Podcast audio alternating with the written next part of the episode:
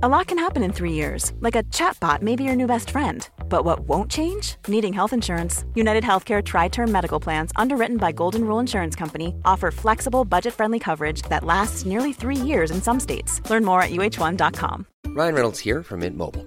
With the price of just about everything going up during inflation, we thought we'd bring our prices down. So to help us, we brought in a reverse auctioneer, which is apparently a thing. Mint Mobile unlimited premium wireless. Ready to get 30, 30, bit to get 30, bit to get 20, 20, 20, bit to get 20, 20, bit to get 15, 15, 15, 15 just 15 bucks a month. So, Give it a try at mintmobile.com slash switch. $45 up front for three months plus taxes and fees. Promote for new customers for limited time. Unlimited more than 40 gigabytes per month. Slows. Full terms at mintmobile.com. Hey, Dave. Yeah, Randy. Since we founded Bombus, we've always said our socks, underwear, and t shirts are super soft. Any new ideas? Maybe sublimely soft. Or disgustingly cozy? Wait, what? I got it. Bombus. Absurdly comfortable essentials for yourself And for those facing homelessness. because one purchased equals one donated. Wow, did we just write an ad? Yes. Bombas. Big comfort for everyone. Go to bombas.com slash ACAST and use code ACAST for 20% off your first purchase. Syns du gløder det? Tusen takk, du også, i disse koronatider. Du gløder litt ekstra. Ja, det er veldig hyggelig å høre. Men jeg vet ikke helt hvorfor. Det vet jeg. Ja vel.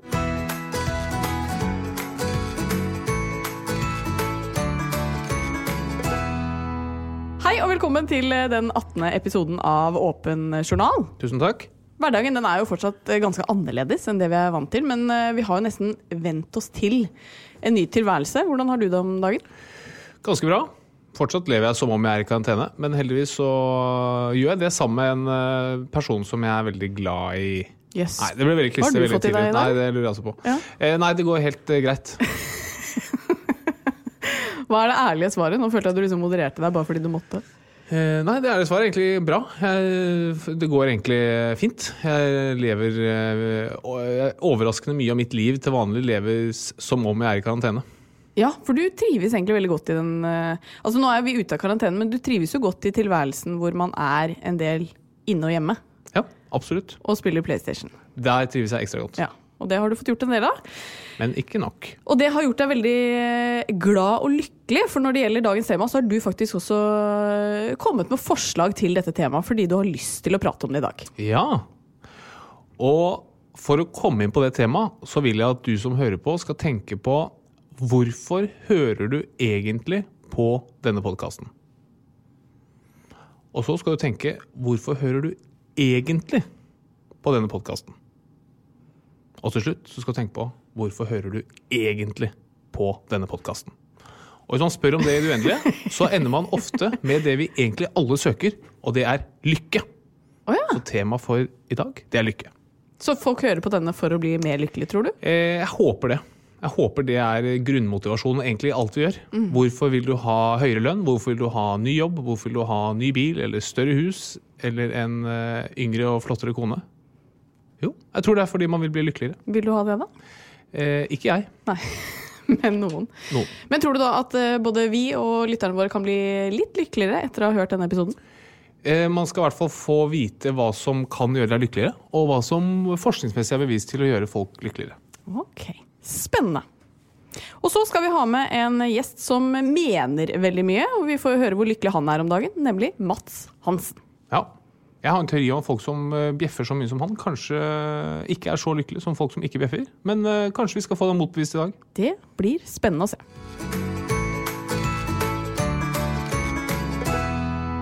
Ja, jeg har jo denne uka vært tilbake på jobb. Det har jo vært veldig deilig å komme ut av karantenen eh, og tilbake i eh, Idol-studio og kjenne i hvert fall liksom litt på det som i hvert fall minner om en normal hverdag. Ja, Trives du der? Ja, veldig. Så det er fortsatt litt annerledes. Man holder jo veldig god avstand, og man uh, spritter hendene hele tiden. Og jeg må være mest mulig på et rom alene. Men, uh, men man kjenner jo veldig på i disse dager hvor mye man liksom savner uh, ja, den vanlige hverdagen. da. Møte kollegaer og venner og ta trikken hit og dit. Og... Ja. Du tar ikke så mye trikk, da. Nei, men hvis jeg hadde gjort det, så hadde jeg sikkert savna det. Ok. Men de Det som også er beundringsverdig med deg, Ja. du, du er det eneste mennesket i verden som, som jeg kjenner som oftere tar trikken feil vei enn riktig vei. Det er helt riktig. Det er, en, det er en unik egenskap som veldig få andre har. Tusen takk. Vær så god. Men det er kanskje derfor jeg også har slutta å ta trikken. Det kan være. Men du har jo du har jobbet en del, men du har også brukt tiden på noe helt annet. Eh, å pleie kjærligheten? Nei, det har du ikke. Nei, jeg har måttet børste støv av PlayStation. Ja. Og spiller eh, et veldig spennende spill. ja. Og du er jo 30 år gammel, eh, Ja. og da er det litt usexy å komme inn i stua og høre at du snakker med tolvåringer og skriker om at eh, We're going in! We're going in! Men eh, det, sexyheten øker når du ser at jeg sitter i underbuksa og gjør dette her. Særlig, særlig da. Det mener jeg forresten at vi som helsepersonell burde gjøre, og helsemyndighetene burde gjøre. Det er rett og slett å ta grep nå og si at alle kiloene man legger på seg i karantenen, de teller ikke når man senere skal regne ut kroppsmasseindeks f.eks. Oi. Ja. Det er, har jo ikke så mye godt for seg i forhold til helsa, da, kanskje. Nei, men Nå er det unntakstilstand. Altså, de sier at bedrifter som lider eh, som følge av koronakrisen, skal hjelpes. og Da mener jeg at kropper som lider eh, i koronakrisen, også må hjelpes. Ja. Godt råd fra en eh, godt utdannet lege der, altså. Tusen takk. Men vi spiller jo også inn i et litt sånn nytt studio. Det er jo veldig mye større avstand her enn det vi pleier å ha. Ja. Men det er kanskje bra? Og hvorfor det? Fordi vi er litt flere enn vi pleier å være? Ja, det er vi. Eh, og det kommer vi jo til å være i tiden framover. Ja. For i dag så har vi med oss en liten gjest fra start. Det er helt riktig. Ja. Og denne gjesten, den er på størrelse denne uka Med en sitron! med sitron. Og nå er det noen som sikkert skjønner det, og nå er det andre som kanskje ikke skjønner det. Men du og jeg skal jo da bli foreldre. Hurra! Ja! Det er veldig koselig. Og det er veldig deilig å bare endelig kunne si det. Mm. Herregud, jeg kjenner at jeg skjelver, for nå har vi liksom holdt på denne hemmeligheten i over tre måneder. Ja. Men uh, nå var det på tide å slippe hemmeligheten. Ikke, ikke fosteret ut, men hemmeligheten ut. ja. Men hva Og tenker som du da? skjønt det, så peker alle piler i retning av at det er jeg som er far. Ja, i hvert fall det kan jeg bekrefte med 100 sikkerhet at du er. Det er jeg veldig glad for. Men nå har vi snakket veldig mye om dette hjemme, for vi er veldig glad for at vi får oppleve det her. Ja. Um, men eh, du kan jo fortelle lytterne hva du tenker om å skulle bli pappa. da. Eh, det gleder jeg meg veldig til. Jeg tror eh, Lykke er et bra tema å ha i dag. Jeg tror um, nei, det, Jeg gleder meg bare ordentlig. Altså Nå har jo mye av den tøffeste jobben eh, er jo unnagjort. Den har jeg gjort. Men det Jeg tror ikke den tøffeste jobben er gjort i forhold til det å få barn. Nei. Jeg føler at jeg har um... Jo. Ok. Men jeg har bidratt med liv. Det har du. Jeg har skapt uh, hva skal man kalle et uh, potensial til liv. Ja. Um, men det, det føles veldig uvant å skulle snakke om det høyt, fordi du og jeg har holdt så veldig lenge på hemmeligheten. Vi har jo sagt det til veldig få. Um, men vi har jo visst det siden uh, midten av januar. Ja. Ja. Eh, det har vi. Og det, mm, vi har vært i en såkalt lykkerus. ja. Eh, og det gleder vi oss veldig til. ja. Um, og det var jo veldig uh, hyggelig at, uh, at vi ble det, og ikke minst da jeg fant ut, så uh, ble det jo litt annerledes enn jeg hadde trodd, på en måte. Um, fordi jeg har alltid tenkt at den dagen, hvis jeg er så heldig å finne ut at jeg er gravid, så skal jeg på en måte dele det med deg på en veldig sånn gøy måte. Hadde jeg liksom i hodet en plan om. Men da det plutselig var to streker på testen, så ble jo jeg helt svimmel og skjønte ingenting. Og jeg var så redd for at streken skulle gå bort igjen. Så jeg husker at jeg liksom bare ropte deg inn på badet. eh, og bare var helt i ørska og sa at du måtte se om det var to streker. så det ble jo ikke det ble jo ikke kanskje like sånn eh, voldsomt eh, pompøst som jeg hadde tenkt. Men det var jo veldig hyggelig, da. Og mm, det er jo noe vi har jobbet for, også jeg. Og alle som vet det, som vil bli gravide, er jo Det er jo en Altså, å skape liv og barn er jo en, en veldig romantisk og flott ting. Eh, også når man vet litt om det og leser litt om det, så skjønner man at det er en del Altså det er jo noen dager i denne syklusen til dere kvinner hvor man eh, har mulighet til å bli gravide. Sånn at aktiviteten i akkurat det tidsrommet er relativt høy, da. Em, Ja, og det skal jo sies at man, Som jente så bruker du jo veldig, veldig mye energi opp gjennom liksom, øh, i årene på å ikke bli gravid, for man tenker at liksom, øh, det er så veldig lett å bli det. Og så i det øyeblikk du bestemmer deg for at nå skal vi prøve å, å få barn, så, så tar det jo liksom litt tid. Uh, og vi uh, prøvde jo et par ganger før den satt, og Jeg Det er- prøvd litt før òg, eller trent litt før Vi har da. trent litt før. Men, men, og det tenker jeg er liksom viktig å, å si, at uh, man føler seg veldig privilegert når det da faktisk går, da. Ja, veldig privilegert. Og man blir ganske god etter hvert. Ja. Og vi hadde jo en eh, da vi var i New York, for eksempel, i uh, nyttårshelgen. ja. Så bare for å vise hvor god man kan bli, da. Så da, dette var vel kanskje første nyttårsdag eller noe sånt. Og vi skulle ut, det var da bitende kulde, vi var ute og kjøpte um, pizza på en pizzarestaurant. Så vi hentet da denne ferdigstekte pizzaen, gikk hjem, det var kanskje fem-ti minutter å gå, bitende kulde. Opp på hotellrommet, inn i dusjen, Nei, gud. litt knepperier. Og da vi var ferdig med det, og tørka ut av dusjen, så var pizzaen fortsatt varm. Herregud. Da er du rimelig dreven. Å, tusen takk for at du deler dette, Harald. Det er jeg veldig glad for. Ja. Eh, men eh, romantisk er det jo at Ja, man har eh, vært så heldig, og vi gleder oss veldig til å bli mamma og pappa. Det kommer sikkert til å bli litt, litt babyprat i podkasten fremover. Og det gleder i hvert fall jeg meg Mm. veldig til. Vi skal bare snakke som babyprat. Nei, Gleder oss veldig. Det skal vi ikke. Nei. Men uh, vi, er, vi er jo i lykkerus om dagen, og derfor passer det så bra at vi skal ha dagens tema. Ja!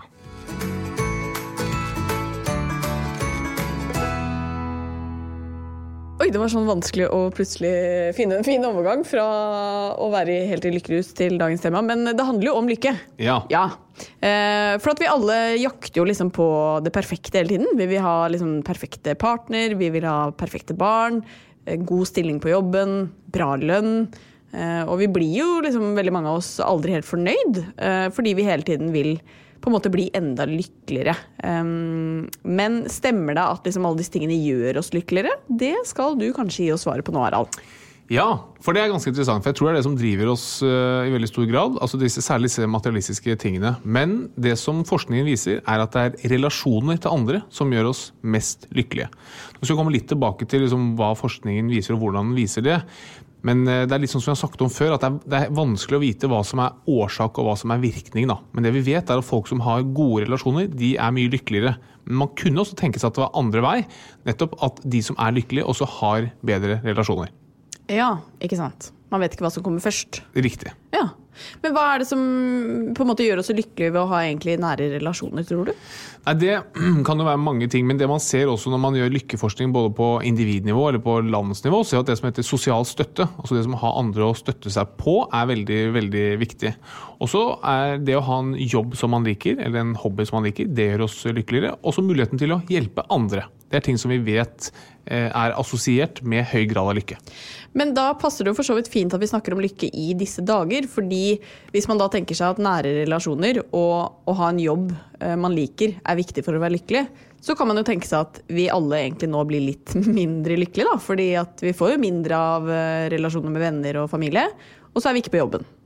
Ja, det er et veldig godt poeng. Samtidig er jo en, en viktig del av også det å være lykkelig ha- handler om takknemlighet. Og det jeg tror vi alle kjenner på nå i disse tider, disse koronatider, er jo at man eh, savner dette her. Altså Du skjønner at ting du egentlig tar for gitt i hverdagen, det setter man nå ganske mye pris på. Plutselig savner man det å kunne ta T-banen. Eller man savner det å kunne være på jobb, eller bare kunne henge over kaffemaskinen og ta en prat med en god kollega. Ja. Men hvordan har man egentlig liksom kommet fram til at eh, det bare er eh, relasjoner, relasjoner, relasjoner som gjelder? Nei, det man gjør, man, man, eh, Det finnes jo heldigvis mye morsom forskning på lykke. og En eh, sånn veldig kjent eh, studie er en sånn Harvard-studie som har pågått i snart vel 80 år. Hvor man har fulgt en gjeng med mennesker som man spør jeg tror det er annethvert år, hvor lykkelig er du nå? Og så sammenligner man det med andre ting i deres liv. F.eks. man ser på lønn eller stilling, eller om de er gift, om de er skilt osv. Og, så og så ser man hva er det som er best korrelert med det å være lykkelig. Og da ser man jo, jo flere og tettere relasjoner du har, jo lykkeligere er du. Men det kan også være, som jeg sa innledningsvis, andre vei. At det kan være at fordi du er lykkelig, så får du også gode relasjoner. da.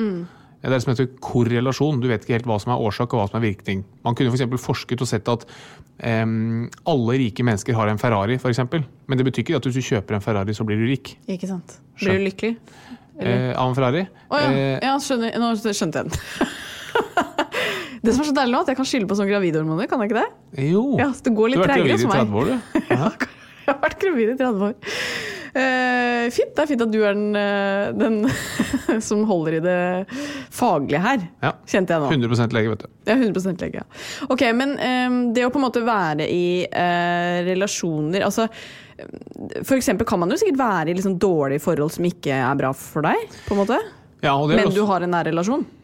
Nettopp. Så det har de sett på også i denne studien, også rundt eh, skilsmisse. Ja. Og der viser det at du kan bli lykkeligere av å skille deg. Det er ikke noe sånn direkte eh, korrelasjon mellom å skille seg og være ulykkelig. fordi det kan være bedre da og Det kan være at det åpner opp for andre, bedre relasjoner. Mm. Å være i en dårlig relasjon, det er da assosiert med ulykke. Men man blir altså lykkeligere av å ha folk rundt seg. Har det noe å si for helsa? Eh, ja, der også er det en ganske stor grad av korrelasjon, men da har man sett på hvor eh, frisk man opplever seg. Er også korrelert med, med god livskvalitet eller høy grad av lykke. Ja. Men i forhold til dette med relasjoner er det også interessant at du så i parforhold, selv om eh, parene kranglet mye, så var det høy grad av lykke der, så lenge man visste at ja, jeg vet at selv om vi krangler, så er vedkommende der for meg hvis jeg trenger det. Det er rett og slett ha sosial støtte, ha noen å kunne støtte seg på hvis det um, røyner på. Men um, det du forteller nå, uh, burde jo egentlig tilsi at når man er ung, så bør man uh, ha mål og en drøm om at når man blir stor, så skal man først og fremst ha gode relasjoner, og kanskje en god jobb man liker.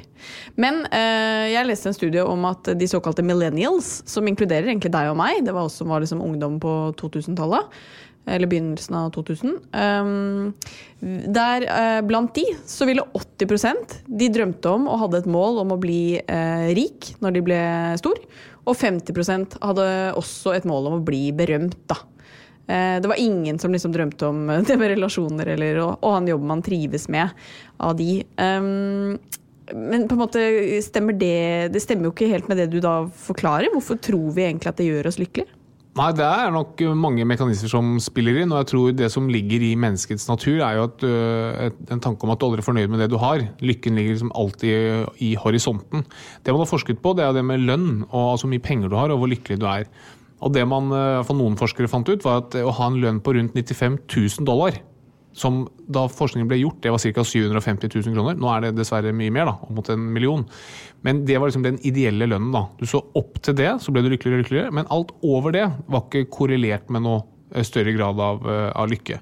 Det med kjendisstatus det har nok kanskje mye med hvordan man ser det for seg i media. Altså Man legger ut bilder av at man har det gøy på Instagram, mens bak fasaden der skjuler det seg mye grums. Katrina Flatland. Og bak min fasade? Ja. Neida, Men du skjønner hva jeg mener. Altså, du, um, det er andre ting man higer etter. Ja. Så det bør man jo egentlig endre litt på, da. Hvis man skal, vil faktisk, hvis drømmer om et, eh, et langt og lykkelig liv.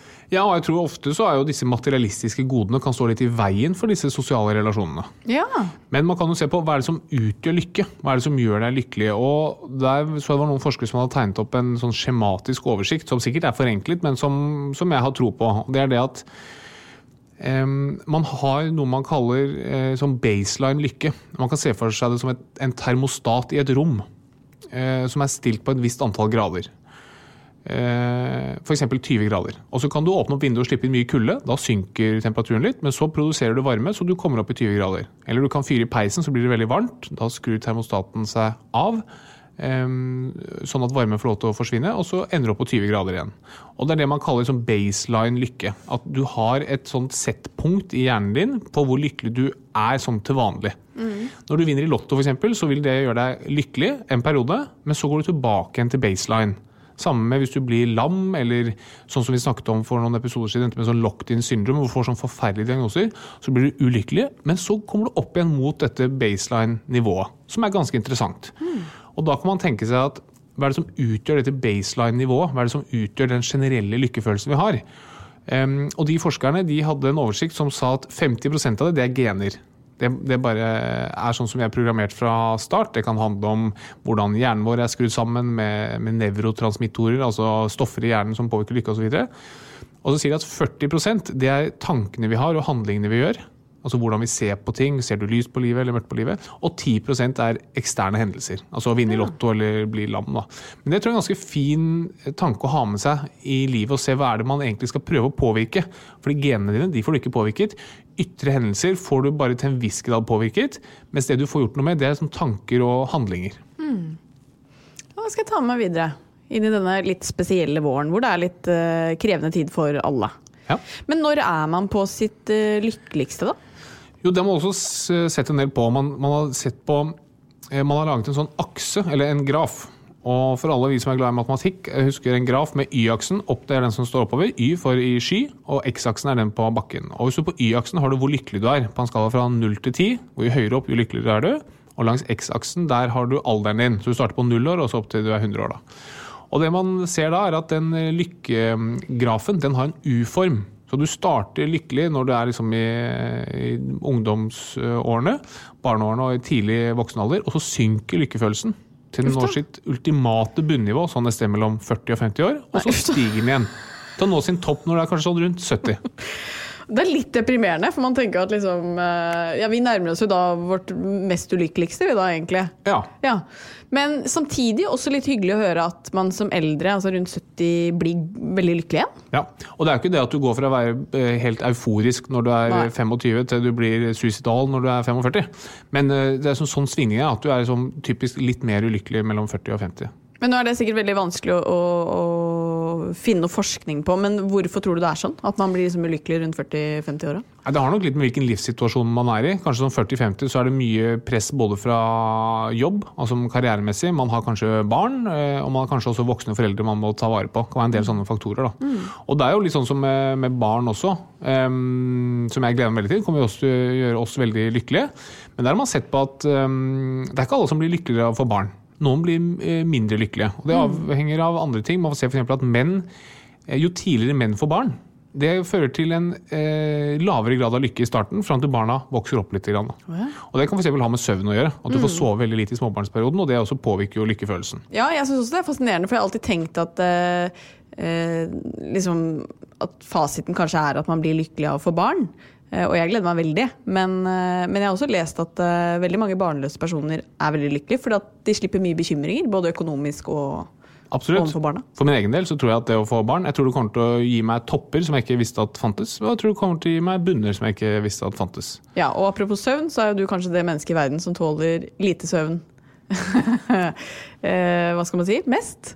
Dårligst. Ja, vet du hva, altså jeg har eh, Altså, jeg må bare beklage, men igjen Det er disse hormonene, er det ikke det, Ja, Harald? det er deilig å ha noe Et, litt, eh, et kort man Ja, kan er dra. helt tullerisk. Men jeg tror jeg har jeg må bare si det, jeg har gledet meg så mye til å si at jeg er gravid, og så har gruet meg og vært spent og alt på en gang, og så plutselig sier jeg det, og nå, har jeg, nå er jeg tom for ord. Så du får drive dette videre. Ja, det skal jeg gjøre. Men um, vi må jo snakke litt om på en måte den øh, tiden vi da er inne i, fordi jeg tror veldig mange som opplever koronaepidemien vil huske dette som en spesiell tid, men hva tror du egentlig at det vil gjøre med liksom lykkefølelsen vår? Jeg, jeg tror Det man har sett fra andre katastrofer, da, f.eks. etter tsunamien, er det at lykkefølelsen i befolkningen stiger faktisk etterpå. Eh, og Det kan ha å gjøre med flere ting, men en viktig ting er at man får et samhold på en litt ny måte. Plutselig så får man se hva er det som egentlig er viktig. Dette hamsterhjulet stopper litt opp. Eh, det er ikke nødvendigvis at man blir kjempelykkelig av å ha hjemmekarantene med hjemmeskole med, med en flokk med barn som skriker og hyer, men du får litt eh, perspektiv på hva som egentlig betyr noe. Og man har nå en unik evne til å hjelpe hverandre. Og vi er jo Alle skjønner at de ekstraordinære tiltakene som er satt i kraft, gjør vi jo for å hjelpe hverandre. Og det vet vi at eh, påvirker lykken i ganske stor grad. Altså du kan si at Før så hadde du en jobb som du kanskje var sånn passe fornøyd med, du følte at eh, du var veldig A4. Nå plutselig så må du gjøre ting for at vi skal redde verden, på et vis. Plutselig er det du og jeg og, og alle, uansett hva du har gjort til vanlig, så er du med på å bidra på denne nasjonale dugnaden, eller internasjonale dugnaden, for å få stoppet en felles fiende. Det gjør ganske mye med samholdsfølelsen, og potensielt med lykkefølelsen. Ja, og så tror jeg veldig mange kjenner på i disse dager at man har tatt veldig mye for gitt. Det å gå på jobben hver dag og, og møte kollegaer ved kaffemaskinen, liksom. Det, det er ikke noe man kanskje har tenkt sånn, det er en viktig del av det som gjør meg lykkelig, men nå kjenner i hvert fall jeg veldig på at jeg, jeg savner veldig den sånn kontakten med folk. Den daglige liksom, interaksjonen. Um, og, om så, og at det ikke varer så lenge etter koronaepidemien, det vet man jo ikke, da. Man er jo veldig flink til å tilpasse seg igjen, men, men jeg håper liksom at vi alle klarer å være litt bevisst på at man skal være liksom takknemlig for at man har den hverdagen man har, da. Ja. Og forhåpentligvis får tilbake igjen. Og tenk på, hva, Var du lykkelig da det var toalettpapir på butikken før, f.eks.? Det var Ja. du sannsynligvis ikke. Nei. Mens nå er du det. Nå er jeg det, ja. Fordi eh, da har man sluppet unna disse hamstrerne. Og det er sånn, sånne ting, Du får satt ting litt grann i, i perspektiv. Men du har jo snakket om eh, med meg at eh, vi kan bruke litt denne koronakrisen til å, til å se på livet vårt. ikke sant? Sette, det er satt litt på vent for oss alle. Og så skal man jo snart trykke forhåpentligvis på start igjen. Eh, og at man da kan velge litt hvordan man vil leve fremover. Ja, jeg tror dette kan være en litt sånn fin reset-knapp for veldig mye. Og når man nå vet at det er eh, gode relasjoner som gjør deg lykkelig, kanskje man skal investere litt mer i det, og så litt mindre i å jage på disse materialistiske tingene. Så den PlayStation den skal du nå gi bort til Og de et veldedig dine. formål? Altså sko, de skoene dine, eksempel. Det er mye som plutselig må ryke hvis vi skal begynne å ta bort materielle goder. Men, eh, men jeg er helt enig. Jeg syns vi alle skal sette oss ned og tenke litt eh, hvordan man vil leve fremover etter at eh, alt dette forhåpentligvis roer seg. Så flott sagt. Tusen takk.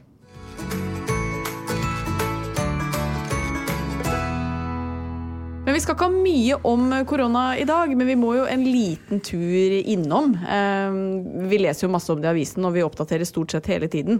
Men eh, hvis du Harald, får liksom 30 sekunder på å gi oss eh, ditt syn, syn på situasjonen nå, hva sier du da?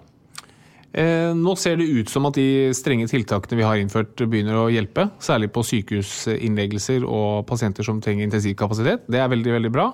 Eh, og så blir det spennende å se når det nærmer seg påske om man kan lempe på, mm, på kravene. Men det som sannsynligvis vil være en styrende parameter fremover, det vil være antall sykehusinnleggelser. Har vi kapasiteten vi trenger i helsevesenet? Og husk det, at det er ikke bare disse koronapasientene, men alle trenger en sykehusinnleggelse fordi de blir påkjørt eller skal føde. Sånn at eh, dette er en felles dugnad vi gjør sånn at alle skal ha kapasitet i helsevesenet. Eh, Og så husk en siste ting, at det er en veldig stor forsinkelse mellom når tiltak iverksettes og man ser resultater av det. For det kan ta opptil 14 dager fra du blir syk, og fra du blir syk så tar det 1 til 2 til 3 uker før du ligger på intensivavdelingen. Så det er grunnen til at eh, man ikke tør å trekke noen veldig tydelige konklusjoner så fort. Nei. Når er det liksom realistisk å egentlig trekke en konklusjon om dette har vært eh, for mye eller for lite eller passe? Ja, vi begynner nok nå å ane at det har hjulpet, men eh, nå har vel regjeringen sagt at 8. april kommer de med, med vurdering som skal gjelde fremover etter påske, og det tror jeg er et fint tidspunkt å trekke slutninger.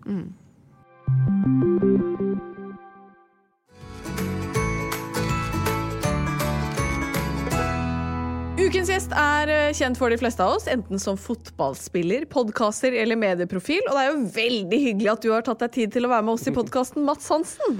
Ja, jeg har fått, uh, fått pressa det her inn i ganske travle tidsplanen min, ja. Altså, Du er jo da med fra ditt uh, hjemmekontor, men da må du jo være pornoskuespiller eller noe sånt, hvis det der er hjemmekontor? Vet du hva, Det er første gang jeg spiller i noe som helst der. Uh, må man være pornoskuespiller for å ha en sånn se Heter det sengegav? Gav? Ja, hvis hjemmekontor er i senga, det er ikke mange andre enn eh, Nei, det kan du si. Eh, jeg har jo Det er jo andre deler av denne husholdninga hvor det er, er en del lyd, så jeg måtte sette meg litt isolert. Ja. Hvordan har du det om dagene? Eh, Jeg har det ikke så gærent. jeg. Jeg syns det er litt koselig enn så lenge. Litt sånn påskestemning. Men Det begynner å bli lang påske nå. Men Ja. eh, det er nok andre som har mer bekymringer sånn enn meg. Men De som ligger på intensivavdelingene, f.eks.? for eksempel. De, de, de har nok det. Har det enda verre? Hæ? Ja, de har det enda verre enn deg. Sannsynligvis. Uten at jeg har satt meg inn i det, så vil jeg tro det. Uh, men jeg, jeg blir litt rastløs. Og igjen, nå tror jeg dette er også en mindre bekymring enn de på nevnte intensivavdeling, men jeg blir litt rastløs sånn treningsmessig. Oh, ja. Det er, min, det er som er kjipest for meg. Uh, jeg blir liksom rastløs når jeg ikke får trent, så jeg har prøvd på noe sånn halvveis substitutt her hjemme, og det, det blir ikke det samme, altså. Nei, Har du treningsrom, eller må du gjøre det da i stua? Eh, Jeg må gjøre det i stua. Jeg har prøvd sånn hjemmetrening. Jeg har bl.a. fylt en koffert med masse bøker. Føler meg ganske harry når jeg står liksom og løfter på de forskjellige varianter. Men eh, så jeg har vært for å kjøpe nå var jeg, Rett før jeg prata med deg nå, så var jeg inne på nettet for å kjøpe manualer. Ja. Og da blir man en annen fyr i det øyeblikket man får manualer Ryan Reynolds her fra Mint Mobile. With the price of just about everything going up during inflation, we thought we'd bring our prices down. So to help us, we brought in a reverse auctioneer, which is apparently a thing. Mint Mobile unlimited premium wireless. Ready to get 30, 30, bit to get 30, bit to get 20, 20, 20, bit to get 20, 20, bit to get 15, 15, 15, 15 just 15 bucks a month. So, Give it a try at mintmobile.com slash switch. $45 upfront for three months plus taxes and fees. Promo for new customers for limited time. Unlimited more than 40 gigabytes per month. Slows. Full terms at mintmobile.com. Hey, it's Ryan Reynolds, and I'm here with Keith, co-star of my upcoming film, If, only in theaters May 17th. Do you want to tell people the big news? All right, I'll do. it. Sign up now and you'll get unlimited for $15 a month and six months of Paramount Plus Essential Plan on us. Mintmobile.com slash switch. Upfront payment of $45 equivalent to $15 per month. Unlimited over 40 gigabytes per month. Face lower speeds. Videos at 480p. Active Mint customers by 531.24 get six months of Paramount Plus Essential Plan. Auto renews after six months. Offer ends May 31st, 2024. Separate Paramount Plus registration required. Terms and conditions apply if rated PG. Quality sleep is essential. That's why the Sleep Number Smart Bed is designed for your ever evolving sleep needs. Need a bed that's firmer or softer on either side? Helps you sleep at a comfortable temperature? Sleep Number Smart Beds let you individualize your comfort so you sleep better together. JD Power ranks Sleep Number number 1 in customer satisfaction with mattresses purchased in-store. And now, save 50% on the Sleep Number limited edition Smart Bed for a limited time. For JD Power 2023 award information, visit jdpower.com/awards. Only at a Sleep Number store or sleepnumber.com. i hus. Da er man eh, Ja, jeg skal ikke bruke uttrykket harry, men jeg er en jeg ikke vil være, egentlig. Eh, Har du hatt manualer hjemme, Katarina? Ja, eh, Nå er det jo ikke jeg som har flest manualer hjemme, men, men eh, Harald har jo da i tillegg også en benk. Hva syns du om det? Ja, det tar jo et steg videre. Eh, Det gjør jo det. Eh, Men akkurat nå er jeg misunnelig på han litt for den benken. Der kan du se. Eh, For vanlig så er det vel sånn kanskje Altså en innrømmelse av A. Jeg har så mye tid, så, så lite tid at jeg rekker ikke de fem minuttene treningssenteret. Da går ikke timeplanen min opp. Eller B. Jeg har ikke råd Jeg har arva en treningsbenk. Jeg har ikke råd til å betale treningsavgift. Men Hvor er du der, Harald? Nei, Jeg er der på at eh, Hvis folk sier man boobs, så sier jeg at eh, nei, det er nødt til å være muskler fordi jeg har treningsbenk hjemme. Ok, ja. Det er forsvarsmekanisme. Rett og slett. Forsvarsmekanisme. Så jeg er Men, eh, Men et- for det første, det du kan Hvis du da fortsetter med denne koffert fylt med bøker Hvis du går på biblioteket og låner bøker, så får du det jo helt gratis. Ja, men det er ikke plass til det. er- Det er flaskehalsen og er, er kofferten. Det er ikke plass til flere bøker. Aha. Men jeg, Og du er så sterk. Dette er snikskryt. Dette er snikskryt, ja. Så hvis noen har tips til store nok kofferter Tung er det perfekt litteratur. Eller tung litteratur. Vi har jo i- tidligere i dagens podkast sluppet at vi er gravide. Er det sant? Ja, Gratulerer. Så jeg får vite det før alle andre, for dette det er helt riktig. rått. Gratulerer. og, og dere sier vi er gravide òg? Eh, ja. Vi gjør det, ass. Veldig hyggelig, da. Eh, Og perfekt timing sånn koronamessig nå. Ja, altså, det er ikke, du du går ikke glipp av fester og nei, så bytur og fester og det er liksom, Dere kan leve som alle andre. Vet du hva, Det er så sant. Jeg har det så deilig om dagen, fordi jeg går ikke glipp av noen ting. Brylluper vi skulle i, de er avlyst. Eh, Mhm. Det er jo helt fantastisk, hvis man skal være litt positiv. Ja, det er det. Og egoistisk. Og veldig egoistisk. Så det er veldig, det føles veldig bra. Men, ehm, men, eh, ja, men så har vi også snakket om skjønner du, at eh, denne ukens tema er lykke. Og da har vi diskutert Tror du man blir lykkeligere av å få barn, eh, Mats? Uh, ja, altså, jeg synes det er vanskelig å definere lykke. For meg så er det kanskje det kanskje de små øyeblikkene man får en sånn derre en sånn salig følelse. Og den kan man få, i hvert fall jeg med barn. altså den der, Man ser liksom rundt og liksom ser barna er glad, og man får den lykkefølelsen.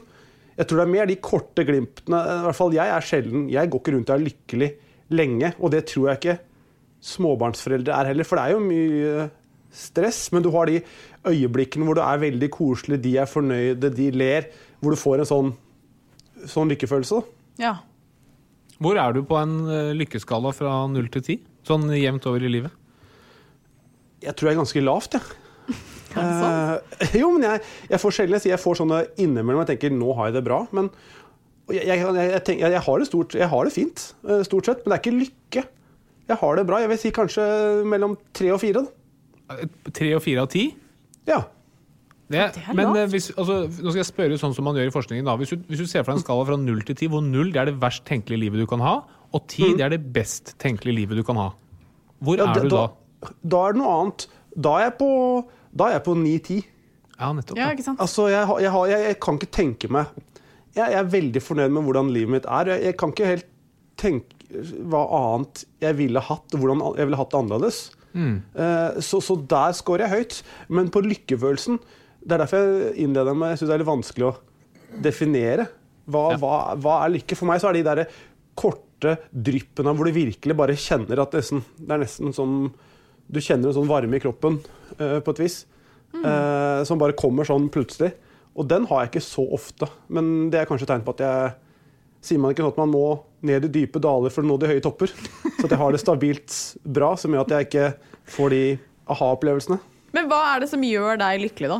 Uh, Det kan være Ofte så er det egentlig når jeg er ferdig med ting jeg har grua meg til. Det kan jeg kjenne meg igjen i. Eh, om det er enten en, Hvis det er en knallhard treningsøkt Det kan være før jeg har spilt fotball. Løpstest. Verste jeg visste. Grua meg til det. Jeg kunne grue meg til en uke. Da jeg satt meg i bilen og kjørte hjem etter løpstesten. Lykkelig. Uh, jo, jo, men du kan le av det. Men uh, så, så hvis, hvis det er noe som jeg har grua meg til, eller hvis det er generelt trening, da eh, Jeg får en sånn Om det er lykkelig òg, for det er jo noe med endorfinen og hele pakka at jeg får en sånn god, lysbetont følelse i kroppen av det. Men jeg vet jo at øh, mange liksom, idrettsutøvere, og du har jo vært øh, fotballspiller, blir litt sånn øh, De kan bli litt deppa når de legger opp, fordi man føler at livet blir eh, tomt og annerledes. Har du liksom kjent på det? Nei, det, så det, det skal sies at grunnen til at de kjen, sier det, er at de, de får ikke den samme anerkjennelsen og bekreftelsen. Eh, jeg gikk jo i løpet av en måned fra å spille for 2000 på Isaksen stadion til å stå på Rådhusplassen foran 80 000. Så jeg, liksom- fikk en sånn ganske sånn ganske raskt eh, substitutt der, da. Så jeg har liksom blitt kasta inn i en egentlig annen bransje og vært heldig sånn sett. Ja. Eh, så jeg har ikke For jeg tror det er den tomheten og den at man plutselig er aleine og ikke får den bekreftelsen som jeg tror fotballspillere Eller anerkjennelsen. Jeg tror det er den de kjenner på. Eh, men inntil videre så har ikke jeg fått den. Harald, du hadde jo en teori om eh, folk som mener mye. Ja, det var det som var litt interessant å høre at du er lykkelig, fordi du har jo tatt på deg en rolle som en sånn litt sånn riksbitch. Takk. Som er en sånn viktig Jeg tror det er en viktig egenskap ved et godt fungerende sosialdemokrati. At noen må liksom passe på å, skrike høyt. da.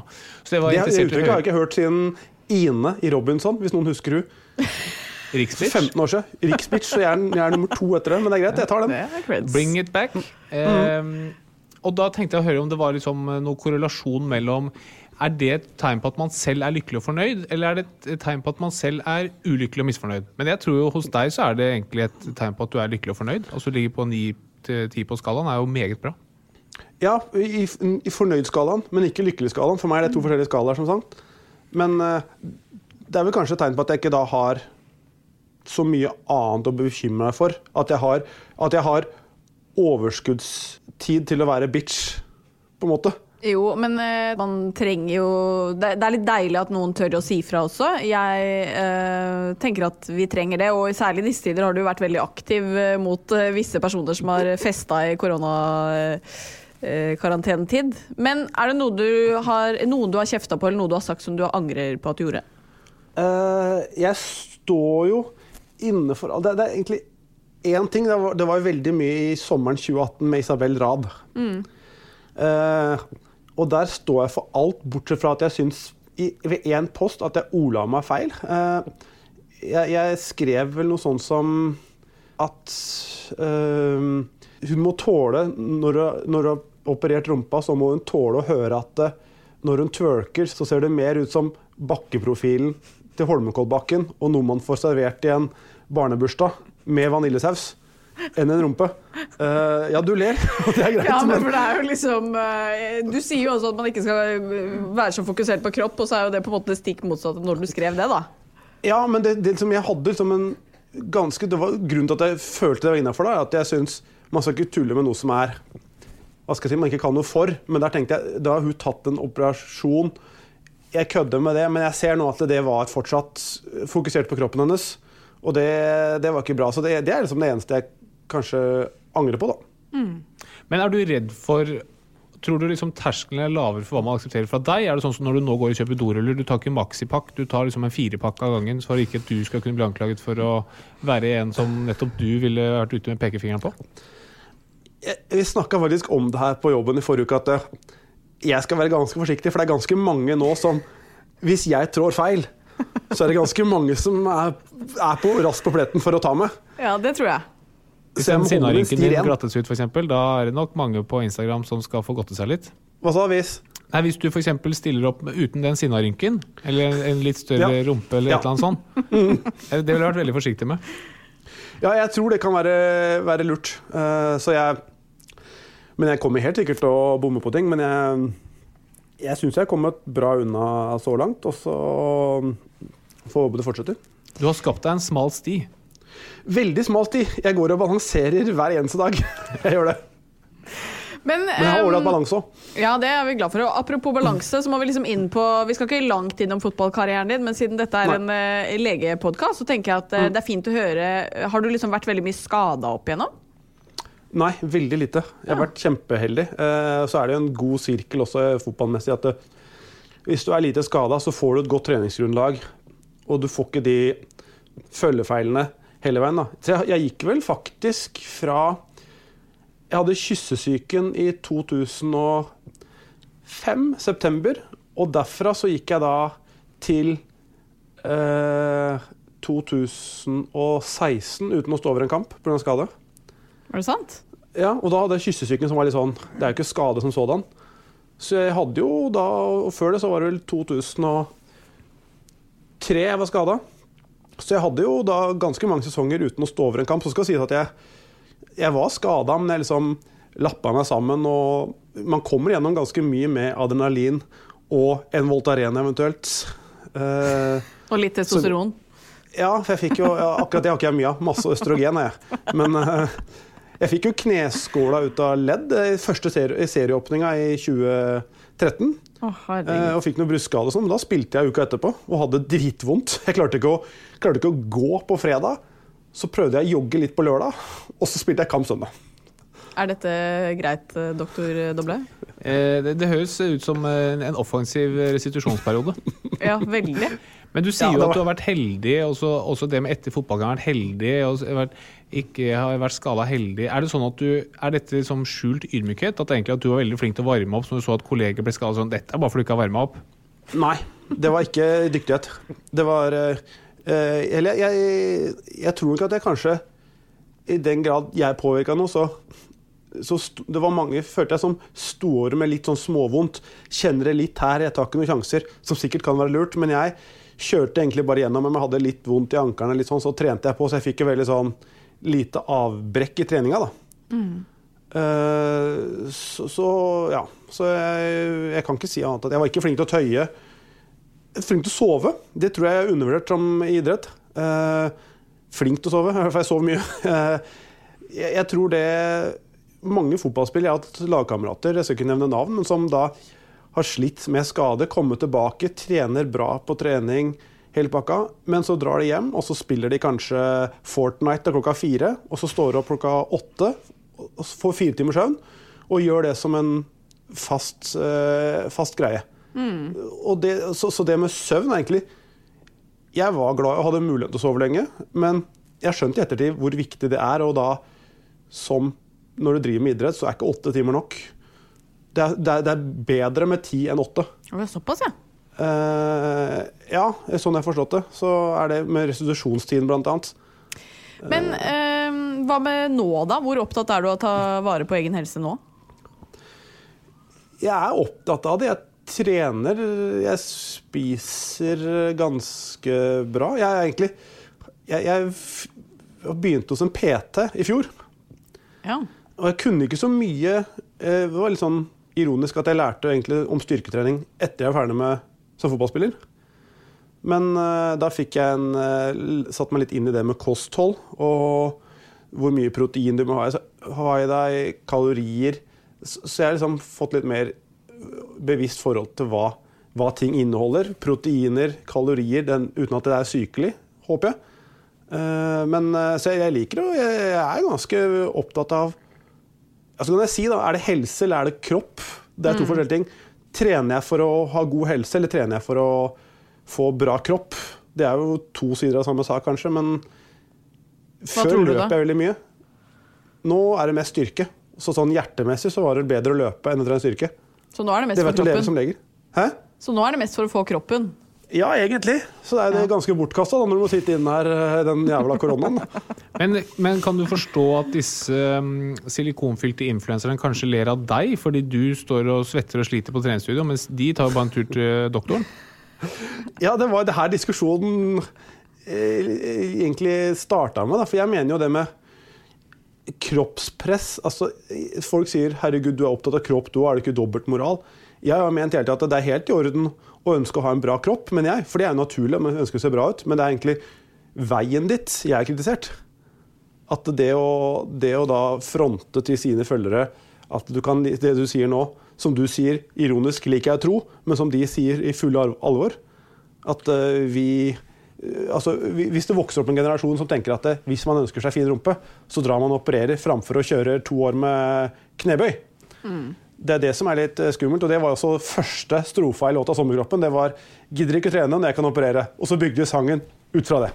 Jo, men altså, jeg er helt enig, og jeg sier det jo for så vidt en viss, med en viss grad av ironi, for jeg er helt enig med deg, men, men ehm, du, du kan jo snu på det og si at herregud, her bruker du to år på tid du kunne brukt til å hjelpe andre, eller eh, finne en vaksine mot koronaviruset, hvis du bare stikker til legen og får eh, gjort jobben der. Får jeg skylda nå for koronaviruset? ja, faktisk. ja. Ok, eh, Jo da, men, men så skal det sies for meg i hvert fall, da, så er også trening noe mer, og det kanskje går litt sånn er mentalt, men jeg føler meg mye freshere og mer sånn kreativ etter å ha trent. Det er tilbake til det vi snakka med lykke og endorfiner. og at jeg, Det er det som ikke er bra. Hvis jeg har bestemt meg for å trene en dag, og jeg ikke får det til, så blir jeg i dårlig humør. Eh, Så jeg føler meg mer fresh og vel ved å trene. Så jeg liker å tro at det har andre positive effekter enn bare det selve den rumpa eller brystkassa eller bicepsen eller hva det måtte Ja, definitivt.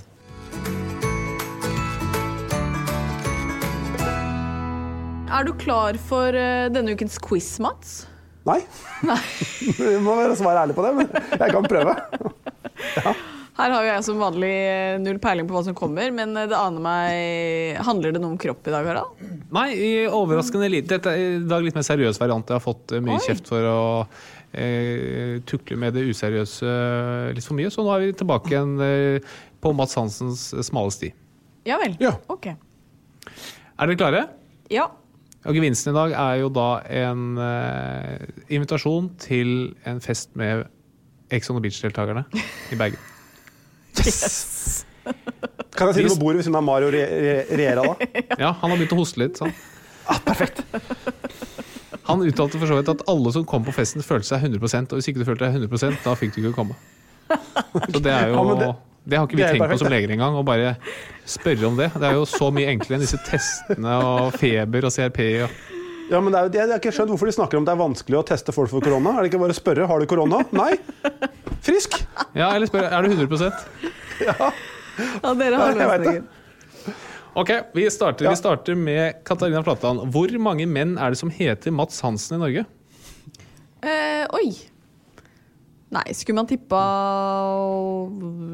60 000. Det er litt mange. Ok, Da spør vi en av Mats Hansene. Hvor mange tror du heter Mats Hansen i Norge?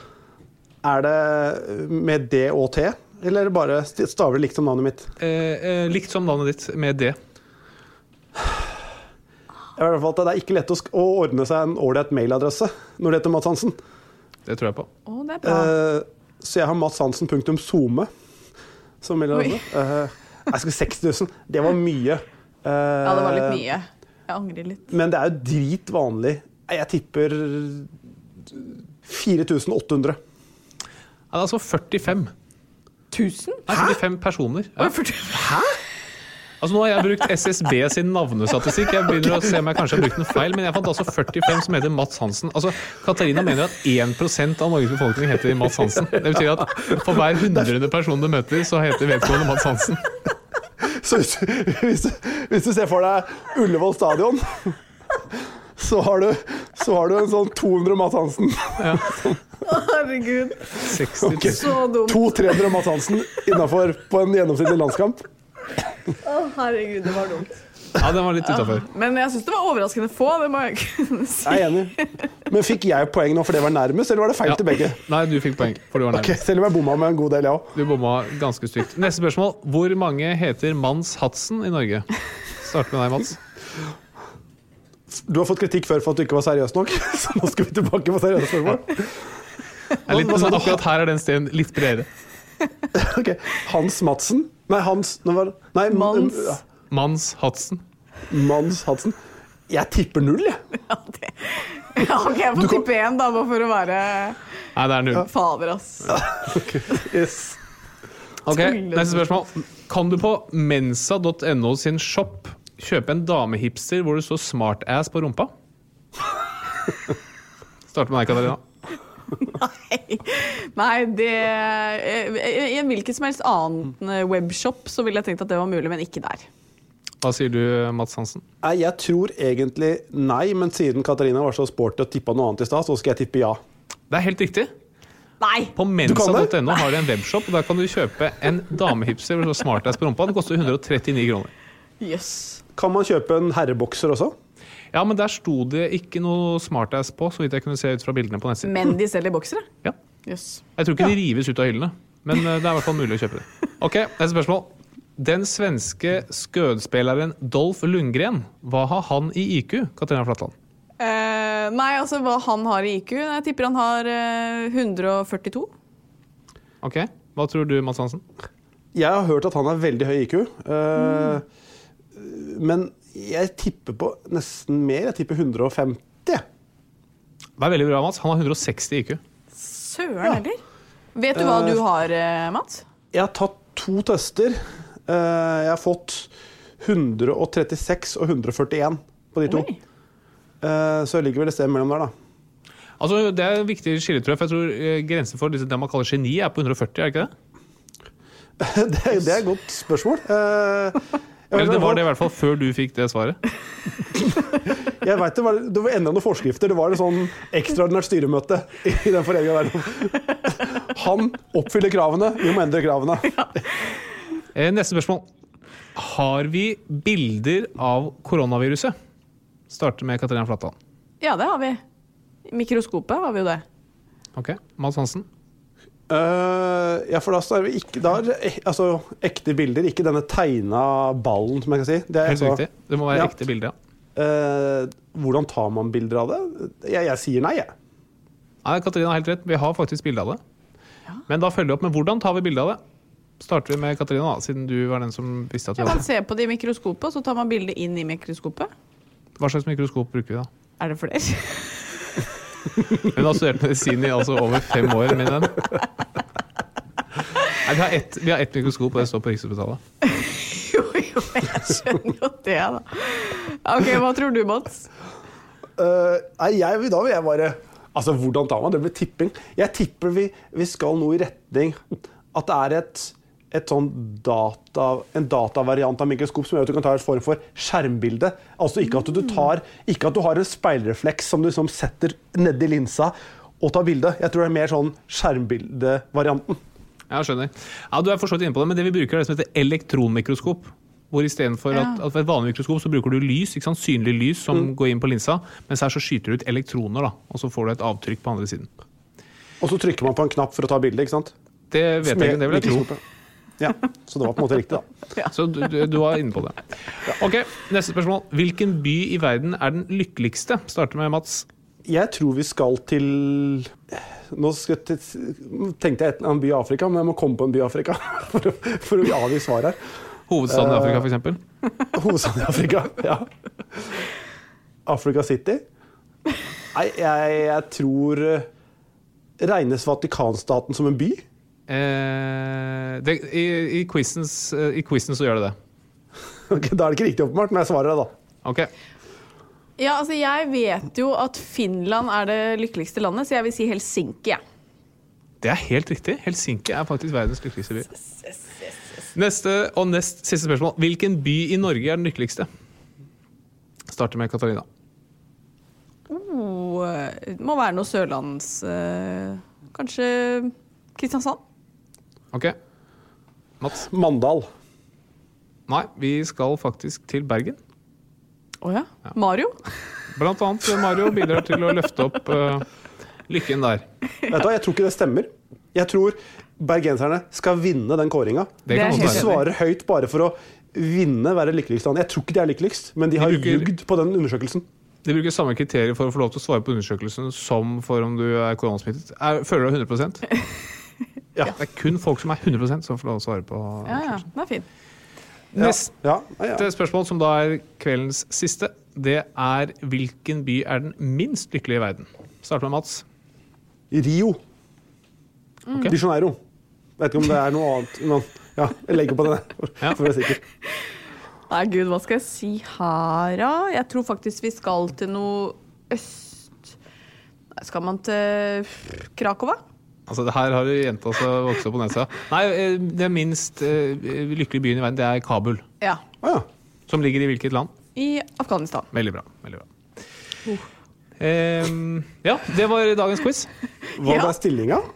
Eh, stillinga ble vel Jeg tror det er ganske likt. Ja. Jeg tror dere får dra på fest med Mario begge Nei, to. det tror jeg ikke. Jeg tror Mats vant ganske over. Nei, Ja, nei, jeg tror ikke det. Jeg tror ikke det, Å faktisk. ja, tror du ikke det?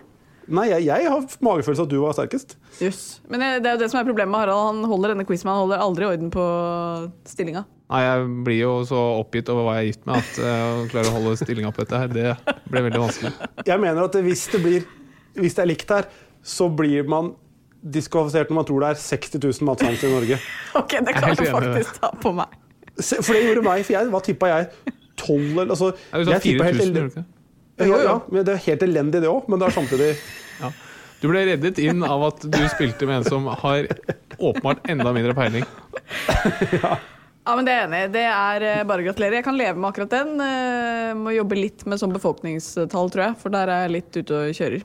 Men det var veldig hyggelig å ha deg med, Mats. Eh, Helt til slutt, hva skal du tilbringe påsken med? Har du noen planer? Uh, Nei, jeg har jo ikke det- Jeg føler jeg er må ha påske nå. Jeg hadde en liten leken tanke om Legoland. Det blir ikke noe av. det ryker jo greit. Og så håper jeg kanskje det blir litt finere vær, så jeg kan være litt ute i hagen. Det var Ja. hyggelig. Ordne, grille litt og sånn. Det høres veldig deilig ut. Hva med Vi, dere? eh, Feire nei, graviditeten? Vi, eh, ja, hva skal vi gjøre? Vi skal feire at vi er gravide.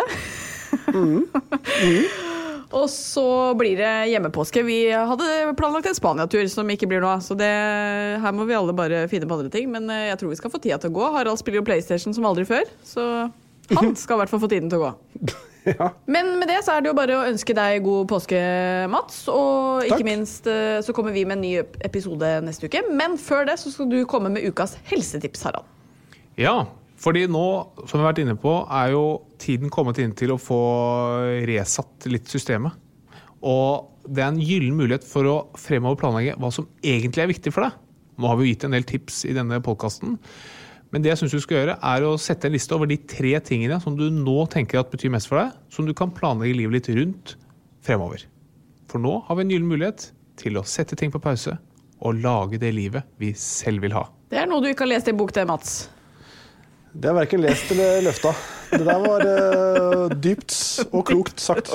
Og neste helsetips sprit påskeegget før du spiser det. Hva sa du? Vask påskeegget med sprit. Vask påskeegget før du spiser, ja. ja. Det var fint tips. Det skal jeg gjøre. Tusen takk for at du var med, Mats, og tusen takk til alle lytterne våre. Vi er tilbake neste uke. Plan B. Hva er det til middag, pappa? I dag blir det billig middag. Ja, nå lanserer Ekstra billigmiddag. Det betyr at du alltid får 20% på et kylling, kjøtt, fisk og vegetarprodukt. Vi har også utviklet raske og enkle oppskrifter som tar utgangspunkt i disse produktene. Oppskriftene finner du på coop.no ekstra. Så se etter billigmiddagssymbolet hos Ekstra, og gjør middagen billig.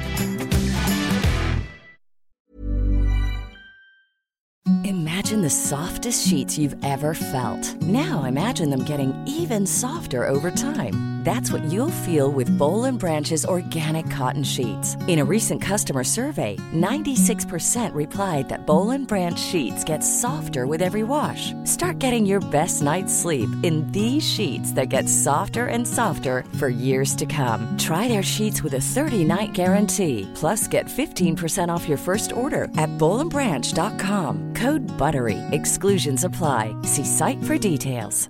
Hey, it's Paige DeSorbo from Giggly Squad. High quality fashion without the price tag. Say hello to Quince.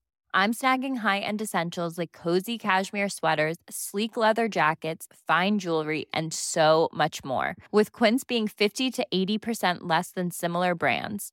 And they partner with factories that prioritize safe, ethical, and responsible manufacturing. I love that. Luxury quality within reach. Go to quince.com slash style to get free shipping and 365 day returns on your next order.